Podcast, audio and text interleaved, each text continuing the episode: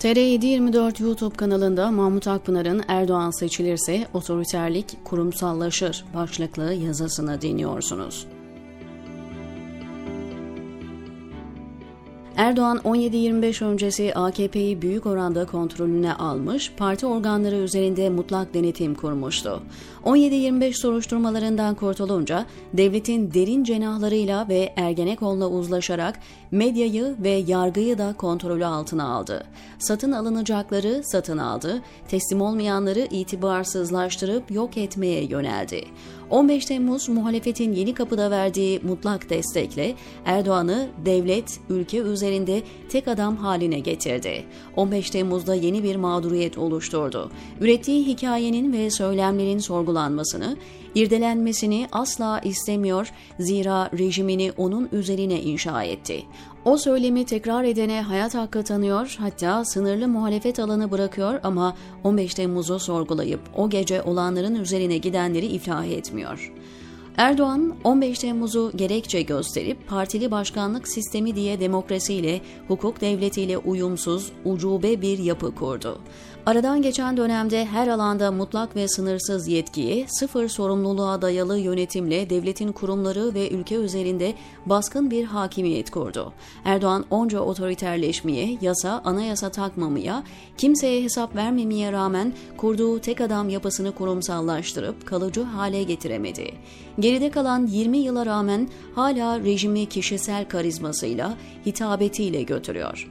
Uğraştı ama oğullarından, damatlardan bir hanedanlık çıkaramadı. Muhalefetin yetersizliğine, aydınların risk almamasına rağmen toplumda var olan nispi demokratik bilinç, biriken kamuoyu tepkisi Erdoğan'ın otoriter rejimi kurumsallaştırmasına engel oldu. Netice itibarıyla Erdoğan bütün güçleri yasama, yürütme, yargı kontrol ediyor. Büyük küçük her kurumu kendine bağladı ama ülkede en çok sorgulanan, eleştirilen, nefret edilen kişi durumunda. Onu eleştiren çocuklara dahi dava açıyor, itiraz edene, muhalefet edene ibret alem cezalar verdiriyor. Lakin hala gönlüne göre bir mutlakiyet rejimi kuramadı. Eğer üçüncü defa seçilir ve aynı yetkileri kullanmaya devam ederse korkarım ki fiilen uygulanan otoriter yönetim anlayışını kurumsallaştırır. Yaşlılık, hastalık gibi tabii nedenlerle bir süre sonra Erdoğan gitse dahi sistem yeni Erdoğanlar üretir ve aynı yetkileri kullanacak birileri çıkar. Bu Erdoğan'ı aratacak Süleyman Soylu, Hakan Fidan, Numan Kurtulmuş veya umulmadık birileri olabilir.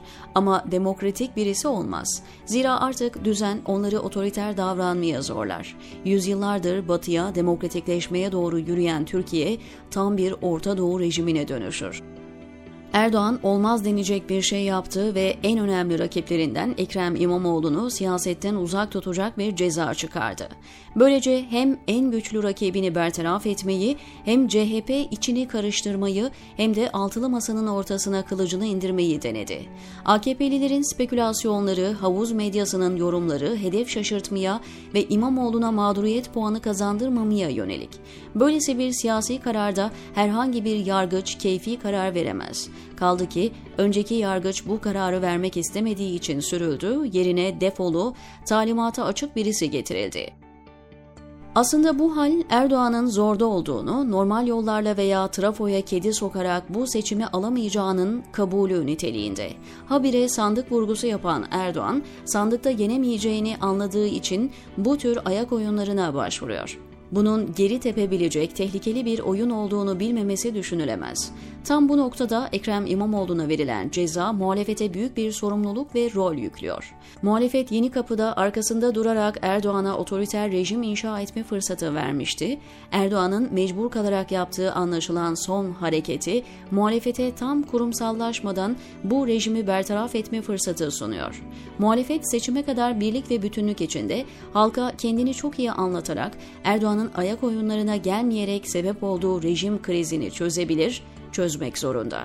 Aksi halde yüzyıllarca lanetle anılırlar. Erdoğan devrilmez değil, yıkılmaz değil.